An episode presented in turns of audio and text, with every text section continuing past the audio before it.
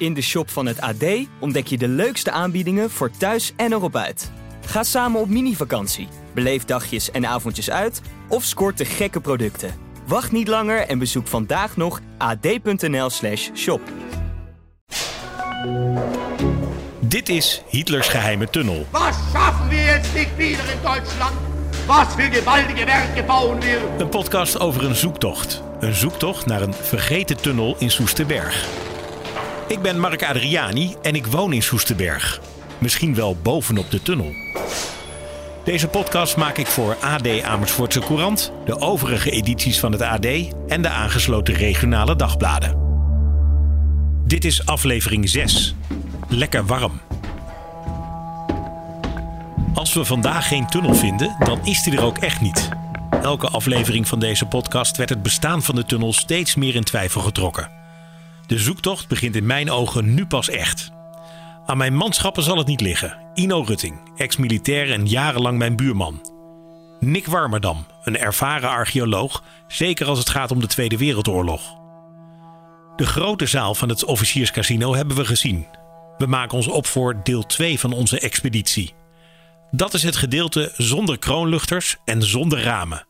Doel van de missie: het vinden van de tunnel.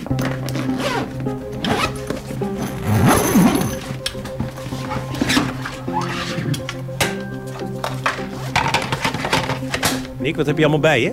Uh, nou, dit keer uh, alleen een, een, draagbare bouwlamp op accu. Normaal heb ik ook altijd mijn meterapparatuur en een afstandlezer, zodat je de afstand van de ruimtes in kan meten en in kaart kan brengen. Maar je metaaldetector heb je niet meegenomen? Nee, nee, ik denk als we die hier gaan gebruiken dat die non-stop non afgaat.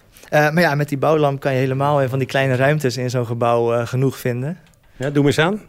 Ja, hij is, uh, hij is goed fel. Check, hij werkt goed opgeladen. Ja, ja, normaal heb ik er dan meerdere mee, zodat ik de ruimte verschillende hoeken goed kan uitlichten. Maar deze, deze doet het heel goed. Ja, en wat hoop je te vinden vandaag? Uh, ja, het zou mooi zijn als we een nooduitgang of iets dat op een tunnel zou kunnen wijzen kunnen vinden. Uh, en verder misschien nog wat achtergelaten documentjes van na de oorlog, uit de oorlog. Uh, op meerdere locaties, meerdere kazernes heb ik dat al een keer gevonden. Dus het zou mooi zijn om nog te kunnen kijken wat voor andere sporen er liggen. Kom, we gaan naar binnen. Op zoek naar sporen. Albert-Jan Gerritsen, je weet wel, de projectontwikkelaar, de eigenaar van het pand, die loopt met ons mee. Hij laat ons rustig ons werk doen en geeft af en toe een kleine toelichting. Hij pretendeert geen deskundige te zijn, maar inmiddels weet hij best veel over het Soldatenheim. Dat moet ook wel, want het is een rijksmonument en dan moet er heel veel intact blijven. Voor een projectontwikkelaar is dat een hoop gedoe. Spijt van de koop heeft hij niet. Hij wist waar hij aan begon. Eerlijk gezegd wel. Ja, we hebben ons uh, voor, de, voor de aankoop hebben we ons daarin verdiept. En ik vond de geschiedenis fascinerend, vind ik nog steeds. En we wilden daar een, uh, een nieuw hoofdstuk aan toevoegen, iets nieuws mee doen. En daar geloof ik nog steeds heilig in met wat we aan het doen zijn. En over die toekomstplannen vraag ik straks wel meer. Nu wil ik Ino niet uit het oog verliezen. We naderen namelijk het podium. En daar heeft Ino ooit een luik gezien. Hij vertelde dat in aflevering 1. Ik moet zeggen dat ik even de weg kwijt ben. Maar volgens mij was het een stuk lager hier, uh, hier achter naar beneden of zo. Maar je had het toen over een luik. Ja. Maar ik denk dat het... Eh, even kijken hoor. Het is het podium. Dan was het uh, of naar beneden, misschien via die trap. Ja, achter dat gordijn. Wacht even, dat gordijn kunnen we wegschuiven. Zullen we daar eens kijken? Achter het gordijn, geen luik, geen tunnel. Maar Ino geeft niet op. Ik heb ook geen idee meer waar het was. Echt niet. Maar je was hier toen eh, met, na een avondje uh, bier drinken? Ja. En toen waren we ergens en dan zag ik een uh, rond iets. En dat uh, verbaasde me dat het... Ja, dat leek gewoon echt op zo'n zo'n zo'n tunnelachtig iets. Maar... Nou, we hebben nu de hele lengte van het podium gehad. Maar hier zit wel een trapje, maar dat gaat weer naar de zaal. Gewoon naar de zaal. Ja. Ergens hier aan deze zijde geweest zijn, maar... Of je had die avond gewoon te veel gesopen. Ja, je kent me toch? dat zou ook kunnen. Of het was echt aan de zijkant of zo. Ik, ik, uh...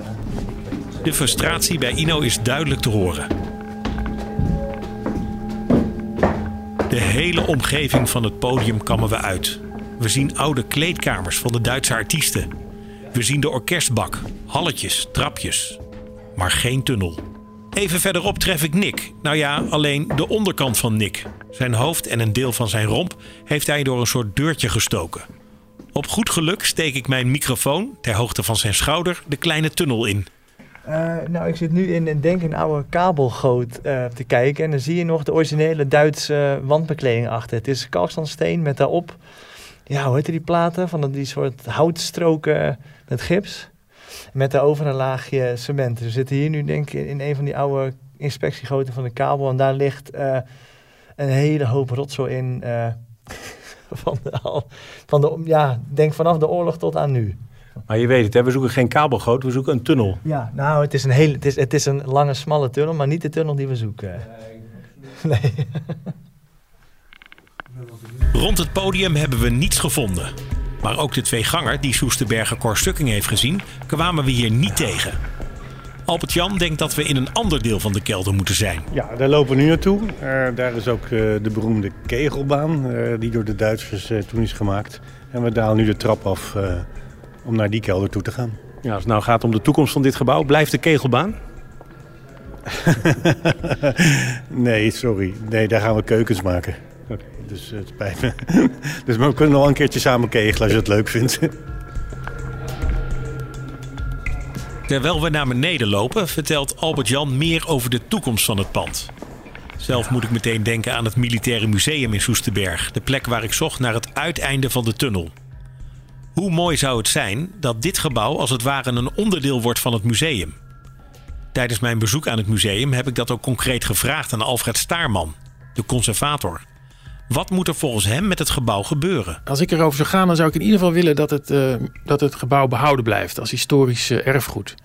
En de, de, de, bestemming moet een beetje een nette bestemming zijn. Laat het horeca worden of uh, een conferentiecentrum vind ik prima. Maar uh, niet slopen vooral. Ja, nou is er ook wel eens geopperd om er een soort dependance van te maken van het militaire museum. Ja, dat, dat weet ik. Dat, dat, dat verhaal ken ik. Dat is, dat is een, dat is een uh, van mooie gedachte. Alleen het is praktisch moeilijk uitvoerbaar. We kunnen er niet zo heel veel mee. Daarvoor ligt het ook te ver van ons vandaan. Um, er loopt een tunnel, hè? Dat zeggen ze, ja. nou, dat zou natuurlijk kunnen met, met fietsen of uh, met busjes heen en weer pendelen. Nou, het is, wat, wat van belang is dat er in de regio hier een, een, aantal gebouwen zijn die rechtstreeks verwijzen naar de Tweede Wereldoorlog. Dit is natuurlijk een van de belangrijkste, zo niet de belangrijkste. Dus om, alleen om die reden al moeten we het bewaren. En mag er ook wel uh, de aandacht voor zijn. Dat, uh, dat ben ik wel met je eens. Maar een combi, een, een, combi-ticket? Een combi-ticket, ja, het klinkt interessant. Maar iemand moet het gebouw ook onderhouden en exploiteren en bijhouden en opknappen en, en, dat soort zaken. En de luchtmacht heeft natuurlijk niet voor niks het gebouw afgestoten. Ze zagen de kosten ook wel op zich afkomen. Dus uh, be careful uh, what you wish for. Dat is met meer gebouwen hier in, de, in, het, in het gebied. Als je de verantwoordelijkheid voor zo'n gebouw krijgt, dan, ja, dan ben je ervan. En dan gaat het gewoon ook heel veel geld kosten om het op de been te houden. En daar is nooit in voorzien. Dus dat is wel echt een groot risico. Ik snap dat men daar huiverig voor is. Geen interesse bij het museum dan krijgt het gebouw dus straks een andere bestemming. En dat kan best gevoelig liggen. Het is een natiegebouw. De Duitse bezetter heeft het laten bouwen en zij bezorgde Nederland misschien wel de meest donkere bladzijde uit de 20e eeuw. Timo de Rijk, directeur van het Designmuseum, weet wat er dan op je af kan komen. En bij hem ging het alleen maar om een tijdelijke tentoonstelling over het design van de naties. Ja, we hebben een tentoonstelling gemaakt 2019-2020. Uh, die heet het Design van het Derde Rijk. En vooral bij de aankondigingen, nou ja, het land leek even te klein. We waren ook gelijk op televisie. Ik, uh, ik had uh, in de Volkskrant laten, laten zitten. Ik had een interview in de Volkskrant waar ik zei... Goh, uh, we gaan zo'n onderwerp aanpakken. Nou, de volgende ochtend werd ik al gebeld door Nieuwsuur. We komen er nu aan, we stappen in ons busje. We zijn om negen uur bij u, schikt u dat? nou, dat schikte nog net wel. Um, mensen raken ongerust als je zoiets doet. Want ze denken misschien heel even... God, maar wacht eens even. Het museum brengt toch altijd mooie dingen en goede dingen. En ineens gaan ze in Den Bosch iets doen. Ja, daar kun je toch niet achter staan. Zou die onrust ook in Soesterberg kunnen ontstaan... als het gaat om de toekomst van dit gebouw? Als je het verkeerd aanpakt, ontstaat er onrust. Maar je moet gewoon...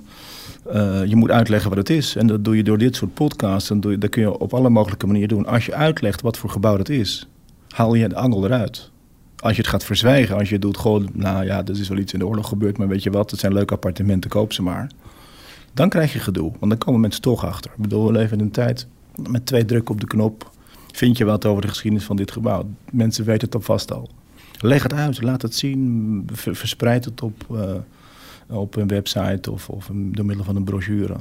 En dan is er volgens mij niks aan de hand. Het nazi-verleden van het pand is een feit. Maar als dat maar niet wordt weggestopt, hoeft dat geen probleem te zijn. Is dat zo? In aflevering 2 sprak ik de heer Major. Zijn gezin is in de oorlog uit hun huis verjaagd. Hij zag hoe bijna dagelijks Duitse bommenwerpers opstegen. Kortom, hij zag van dichtbij hoe de Duitse oorlogmachine werkte. Toch is ook hij duidelijk. Ja, dat, ik denk dat. Ja, ik hoop dat het intact blijft eigenlijk. Het plan is gewoon om eromheen te bouwen. En, en dat gebouw eigenlijk uh, ja, toch een soort uh, functie te geven. En dan die andere Soesterberger. Ook hij heeft recht van spreken. Cor Sukking uit aflevering 5. Hij is blij met het gebouw. Zijn hele leven al. Ik heb natuurlijk altijd het gebouw gezien. Ik heb toen ik op de. Maar toen was ik een jaar of 17. Toen zat ik op de muziekvereniging. En toen hebben we daar de eerste uitvoering uh, gegeven. En dat, dat weet ik nog wel. We mochten daar op dat podium zitten. En uh, nou, dat vond ik prachtig. In zo'n grote zaal. Met de hele muziekvereniging. Ik speelde toen klarinet en saxofoon. En uh, toen hebben we daar een leuke uitvoering gehad. Daarna nog eens een keer met dat trio en nog eens een keer met de band. Dan hadden we een Dixieland band. Hebben we er ook uh, een keer gezeten. En ja, maar goed, de eerste herinnering was toen ik een jaar of 17 was met de muziekvereniging. Dat was leuk. En was het nou in Soestenberg ook nog een beetje beladen? Want het was toch een Duits gebouw. Ja, het was een, het, inderdaad. Je zou dat kunnen denken, maar ik, ik heb daar nooit iets van gehoord. En ik heb er ook die gevoelens niet bij gehad. En ik dacht bij mezelf, godzijdank, die Duitsers zijn weg. Maar ze hebben een prachtig gebouw achtergelaten. Dus ik was, we waren er gewoon heel blij mee. Het, het, is nooit iets van beladen geweest. Het, is met de Duitsers geweest. Nee, daar moet je niet in. Nee, dat hebben we nooit gehad. We hadden een fantastisch gebouw overgehouden aan, aan die oorlog. Er is hier een hoop vernield op het vliegveld. Maar in het dorp is er trouwens niet veel vernield. Er zijn niet zoveel huizen vernield. Maar, en uh, dit gebouw dus ook niet alleen op het vliegveld. Dus uh, nee, wij waren er gelukkig mee. Stel je voor, u zou erover gaan, hè? Eh, over de toekomst van het gebouw. Wat vindt u, wat moet dan met het gebouw gebeuren? Ja, het zou natuurlijk het mooiste zijn als het weer gebruikt zou worden als uh, ja, evenementenzaal. Hè. Je kan er van alles natuurlijk doen. Je kan er concerten geven en je kan er film draaien. Uh, de muziekvereniging, de sportverenigingen kunnen er uitvoeringen geven. Het zou natuurlijk fantastisch zijn als die zaal intact blijft. Maar ik geloof dat ze niet die plannen hebben. Uh, wat ik gehoord heb, is dat ze daar wel een zaaltje houden voor kleinere evenementjes voor de mensen die daar komen te wonen. Want ze willen daar geloof ik appartementen van maken. Er is nog steeds weinig over bekend trouwens. Maar ze willen appartementen maken, er komen ook appartementen bij. En dat er dan een soort ontspanningszaaltje komt. En daar zou die zaal dan voor gebruikt worden. Maar ik zou het leuker vinden als de hele zaal... Want het is een mooie grote zaal, er kunnen zo'n 400 man in. Als die intact zou blijven en dat die voor allerlei doeleinden gebruikt zou kunnen worden. Met Albert Jan, de eigenaar van het casino, ben ik nog altijd bezig met een wandeling naar het andere deel van de kelder. Genoeg tijd om het over het pand te hebben. We staan ondertussen trouwens weer in de grote, indrukwekkende hal bij de ingang. Het klinkt een beetje cliché, maar Albert Jan is, zoals dat heet, een trotse eigenaar. Ja, zeker. Dat, dat is goed gezegd. Het is heel bijzonder en ik ben er ook ontzettend trots op. Uh, ik ben nu twintig jaar actief in vastgoedontwikkeling. We hebben hele bijzondere dingen gedaan, mooie hotels ontwikkeld, mooie woningen gemaakt. Maar dit is wel uh, zeer bijzonder. Door de historie, ook door de omgeving, door wat we hier gaan creëren. We gaan hier particuliere zorg creëren. Ja, ik ben er echt heel erg trots op. Ja, want even over die toekomst. Uh, dit worden uh, woningen voor, voor ouderen. Ja, zorgkamers. er komt particuliere zorg. Het wordt geëxploiteerd door een Franse zorgaanbieder. Als het klaar is. En uh, dan komen er 104 particuliere zorgkamers. En dan de grote zaal waar we aan het begin doorheen liepen... wordt dan het grote hart van het uh, zorgcentrum. Het restaurant, de ontmoetingsruimte, de dagbesteding, dat soort zaken. Ja, nou zijn er mensen die, die ik ook veel gesproken heb... Hè, die, die maken zich toch wel zorgen. Die zeggen, ja, het is zo'n markant gebouw, een uniek gebouw... gebouwd door de Duitsers in de oorlog... als ze er maar geen rare dingen mee doen. We doen er geen rare dingen mee. Dat is een heel simpel antwoord. Dat had, ook al, ik wil het niet, maar ook al zouden we het in het theoretische geval willen, dan kan het niet. Want het is een rijksmonument en er kijken allerlei diensten mee. En voor iedere verandering moeten we de goedkeuring ophalen. Dus we kunnen er überhaupt geen rare dingen mee doen, maar dat willen we ook niet. Ja, maar nog even over die grote zaal, hè, die, uh, met die mooie houten vloer. Blijft die intact? Ja, die blijft intact. Helemaal zoals die nu is? Nee, om, de, om het podium heen bouwen we, bouwen we een zogenaamde doos in doos. Dus een ruimte in de ruimte, zodat het podium afgeschermd kan worden... en dat het podium ook gebruikt kan worden... en tegelijkertijd het restaurant gebruikt kan worden. Maar de zaal aan zich blijft hetzelfde. Ja. En komt er nou ook nog iets wat doet herinneren aan de Duitse periode, aan de geschiedenis van dit gebouw? Zoals als mensen hier eens rondlopen, of misschien toekomstige bewoners, dat die weten wat, wat hier gebeurd is? Eerlijk gezegd niet. Ja, ik moet even nadenken, want ik snap best wel dat het een, eh, iets interessants zou kunnen zijn om dat terug te brengen. Maar dat, nee, behalve dan natuurlijk alle monumentale aspecten zoals de natuursteenvloer waar we nu op staan en de kroonluchters waar we naar kijken die blijven hetzelfde. Maar we gaan dat, die Duitse historie niet verbijzonderen of naar voren trekken in de aandacht. Nee, dat niet. En eerlijk is eerlijk, na de gebruik door de Duitse bezetter... is het ook gebruikt door Defensie, is het ook gebruikt door de KLM. Dus het, het heeft een hele een, een serie van, van historische gebruiken gehad. Ja, die Duitse periode is relatief kort. In tijd wel, ja. ja hoewel ze het weer hebben neergezet. Ja, ja. Oké, laten we eerlijk zijn. De grote zaal blijft dus niet helemaal zoals hij was. Hij wordt opgedeeld in twee delen. Maar het podium blijft en kan ook in de toekomst gebruikt worden. Het is hier heel anders dan in Huis Duinen. Je weet wel dat officierscasino uit aflevering 3. Daar is de toegang naar de kelder weggestopt. Hier in Soesterberg heeft het een statige toegang. In de hal loopt een trap naar boven en eentje naar beneden. Alles is daar beneden groot en stevig. Ik denk aan de woorden van Timo de Rijk van het Designmuseum. Hij zei over het gebouw: It's meant to stay there. Inderdaad, de Duitsers hebben dit niet gebouwd met de gedachte dat ze over een paar jaar weer zouden vertrekken.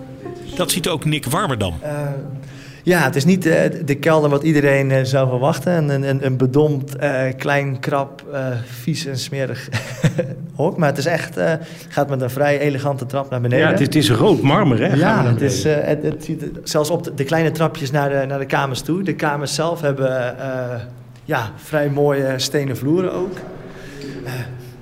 het is enorm groot hier onder het gebouw echt enorm groot. Het ziet eruit als, als, als kantoorbanen met inderdaad hier nu bij de kegelbaan. Maar niet als een echt traditionele kelder zoals je die uh, in je hoofd hebt. Oh, de kegelbaan. Hier moet hij zijn. Deze vloer, dat is dan een houten vloer waar men vroeger op kegelde. Maar dat is ook het enige dat er nog van is overgebleven. Dus we lopen nu op de houten vloer van de kegelbaan. Hier rolden de ballen. Hier rolden de ballen, goed gezegd, ja. Een officiële kegelbaan is 16,45 meter lang. En dat klopt ongeveer wel. De ruimte is dus langwerpig, maar wordt af en toe onderbroken door een wandje. Dat is al later ingezet. Raar om te bedenken dat Duitse soldaten hier rondhingen in hun vrije tijd. We lopen verder, maar dan blijft Nick opeens staan. Uh, nou, ik zag een opvallende stalen deur, die nog wel eens uh, uit de oorlogsjaren zou kunnen dateren. En uh, nu komen we in een kelder die al iets meer lijkt op wat je verwacht met graffiti op de muur. Het is allemaal wat smeriger, iets minder goed onderhouden.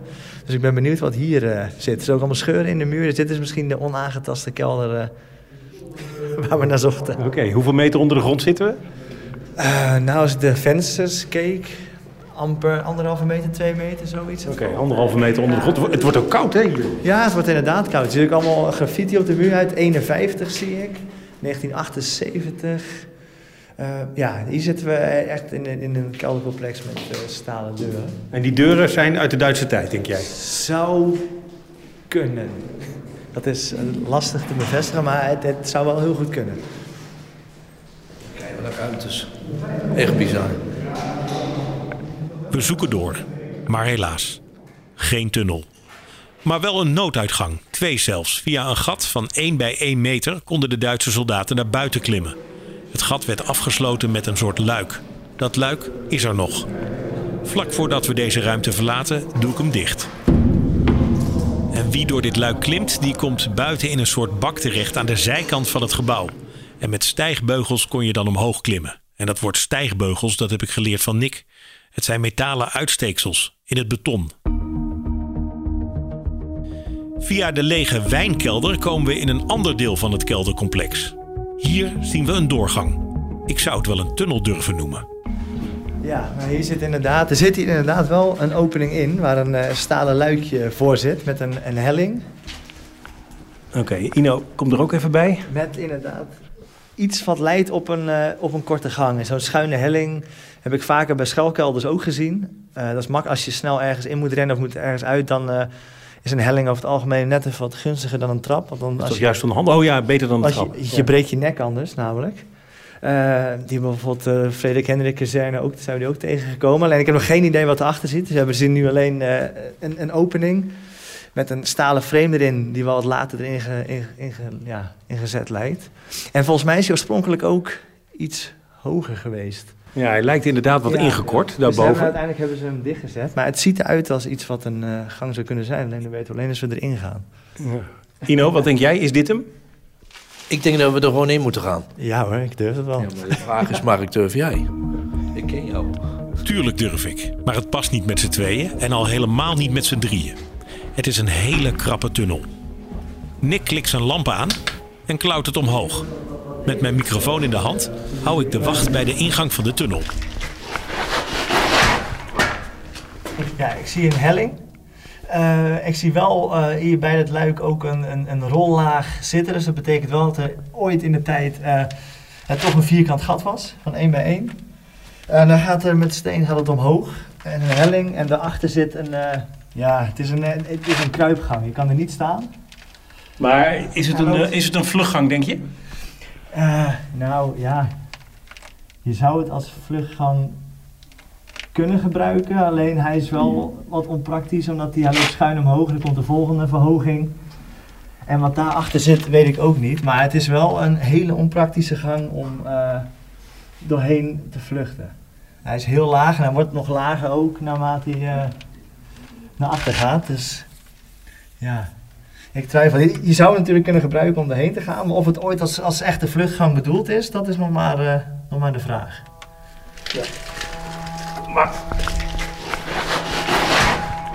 Enkele seconden later horen we precies hoe het zit. Het is geen vluchtgang. Het is onderdeel van, let op, de hete luchtverwarming. En dat lijkt ook te kloppen, want in de grote zaal zagen we onder de ramen allerlei soorten roosters. En nu? We hebben overal gezocht. Op de basis, in het gebouw, op straat tijdens werkzaamheden. We spraken deskundigen. Het is tijd om de balans op te maken. Hier komen de feiten. Op de vliegbasis is een tunnel en deze tunnel is kort en liep naar een schuilplaats onder de grond. Die schuilplaats is bij de bouw van het museum ook echt gevonden en die tunnel ging dus niet naar het casino.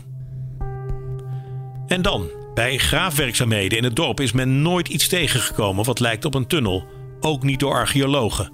De kraammachinist uit aflevering 2 vond wel opvallend veel bakstenen, maar ook dat is geen bewijs. En de luchtfoto, die hadden we ook nog. Op de foto uit de oorlogsjaren zijn geen sporen van een tunnel te zien. Als er gegraven was, zou dat zeker te zien zijn. De zandgrond is hier namelijk spierwit, maar we zien niets.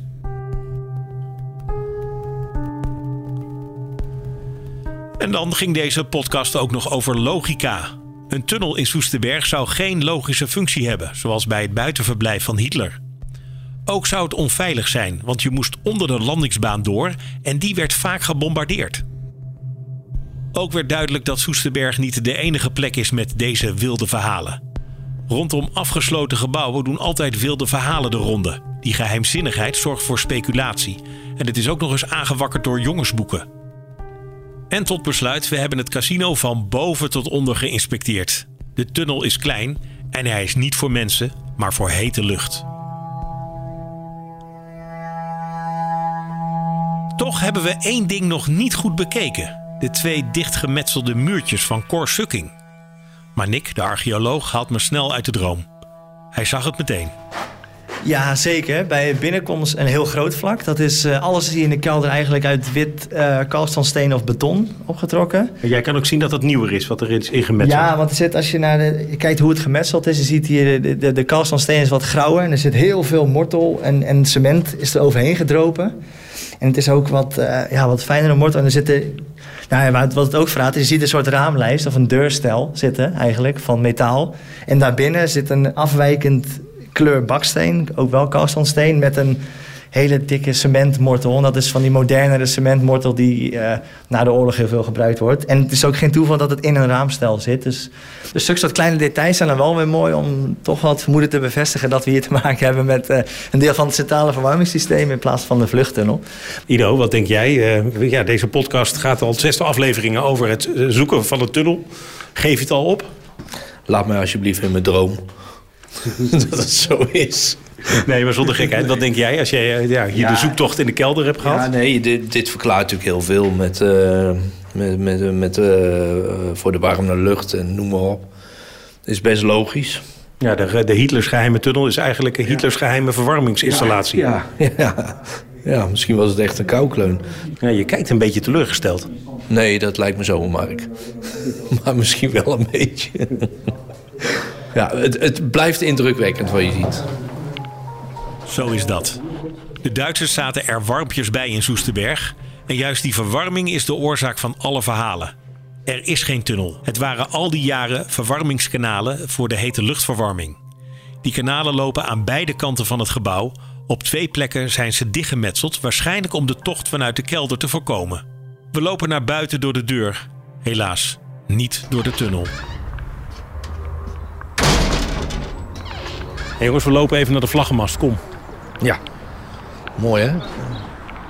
Ja, terugkijkend op deze podcastreeks. Niet gevonden hè? Nee, we hebben hem niet gevonden. We hebben wel uh, tunnels gevonden. Niet de, de, de grote vluchttunnels of de tunnel naar, uh, ja, naar, naar de vliegbasis. En de nooduitgang was er ook? Ja, nooduitgangen waren er ook. Ook gewoon de vensters waar je eruit kon ontsnappen. Maar in principe is het ook niet, niet heel erg. Want uh, dat zijn de verhalen die zo'n plek als dit levend houden als je het hierover hebt, dan waarschijnlijk dat iedereen die hier in de omgeving woont, die weet dan de verhalen die ermee verbonden zijn. Net ook wat te horen kregen over waar uh, de marmeren vloer vandaan zou komen. Dat gaat leven en dan gangenstelsel natuurlijk helemaal. En ik, ja, sommige mysteries die uh, kan je misschien niet oplossen. Of je, ja, we hebben de tunnel dan niet gevonden. Maar het blijft een heel mooi verhaal die ook gewoon vooral verteld moet blijven. Want dat is juist wat deze plek ook hier voor de omgeving zo bijzonder maakt. Anders zou het gewoon een hoop met stenen zijn die overal staat. En juist zulke soort mooie verhalen die bieden een leven. En zo'n zoektocht als dit ja, dat is wat dat erfgoed levend houdt en wat het voor mij ook dan zijn waarde geeft. Het is eigenlijk een soort eh, eigen Loch Ness uh, verhaal wat we hier uh, in stand houden. Dat, ja, het is bijna zonde om dit verhaal te ontkrachten in Soesterberg, toch? Ja, daarom. Dus ik blijf toch stiekem een beetje volhouden dat het toch iets moet zijn. Dus uh, podcast 7, we gaan er gewoon voor. Die komt er gewoon. Nee, podcast 7 komt er niet. Bij de start van deze podcast heb ik me voorgenomen om geen podcast te maken met een open einde. Dat hoeft ook niet. Er is geen geheime tunnel. Oké, heel misschien. Als er echt iets bijzonders in de grond zit, wil ik nog nadenken over aflevering 7. Dit is het einde van Hitlers geheime tunnel. Wat fijn dat je deze zoektocht met mij hebt beleefd. Een podcast waarin het niet alleen ging over wel of geen tunnel, het ging ook over het dagelijks leven in de oorlog en de overblijfselen die we tegenwoordig kunnen zien. Gewoon als we ergens rondlopen.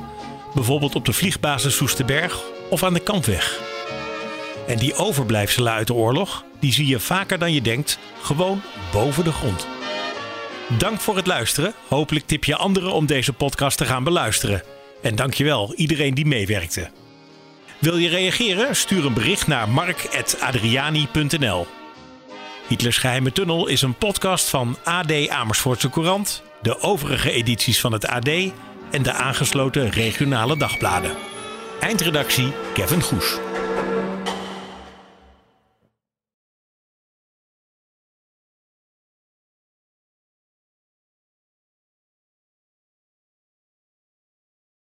Wil jij je niet meer in het zweet trappen?